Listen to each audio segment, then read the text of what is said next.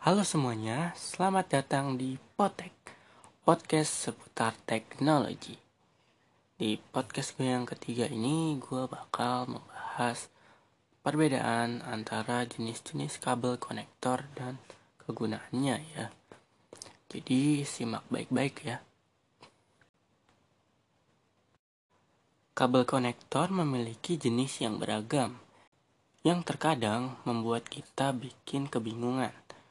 Nah, kabel konektor tersendiri itu bekerja sebagai kabel yang dipasang ke port untuk menghubungkan laptop ataupun PC ke perangkat eksternal seperti monitor LCD, speaker, proyektor maupun TV. Kabel ini terbilang unik karena mempunyai jenis yang beragam dengan bentuk, nama, dan fungsi yang berbeda-beda. Biar kalian gak bingung, gue bakal kasih tahu kalian satu-satu ya. Yang pertama ada kabel VGA atau Video Graphic Array. Adalah standar koneksi tertua yang sudah ada sejak era komputer cembung atau komputer tabung ya kalau kita sebutnya.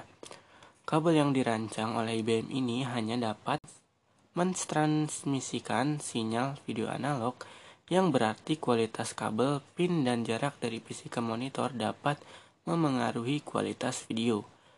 Kabel VGA ini punya sekrup kecil di sisi samping kabel untuk menghubungkan CPU komputer ke monitor LCD, proyektor, maupun TV. Saat digunakan, VGA dapat menampilkan 16 warna pada resolusi maksimum hingga 640 x 480 pixel. Namun, meski kualitas gambarnya tak jernih, Sampai saat ini VGA masih digunakan oleh banyak pengguna karena masih support ke banyak monitor.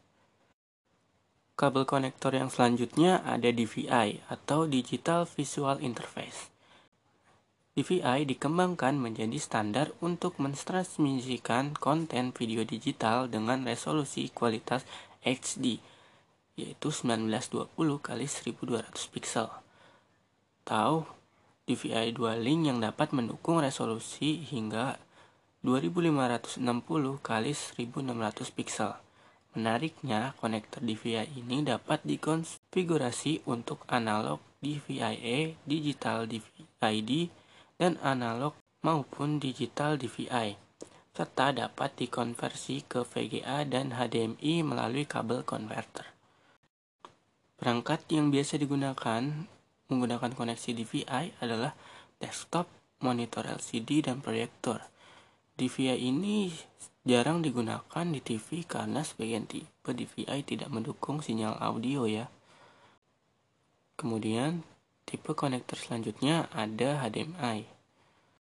HDMI atau High Definition Multimedia Interface merupakan standar baru yang mampu mentransfer audio dan video secara bersamaan melalui satu kabel saja. Teknologi ini secara perlahan dapat menggantikan teknologi VGA dan DVI di era digital dan sudah banyak dipakai di berbagai macam perangkat modern seperti laptop, PC, TV, konsol game, monitor, hingga proyektor. Selain itu, kualitas file yang dihasilkan juga lebih baik karena HDMI dapat melakukan transfer data hingga 5 GB per detik. Yang selanjutnya ada DisplayPort.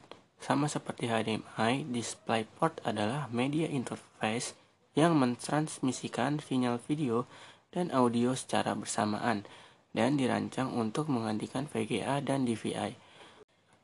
Meskipun begitu, HDMI dan DisplayPort dirancang untuk segmen yang berbeda loh.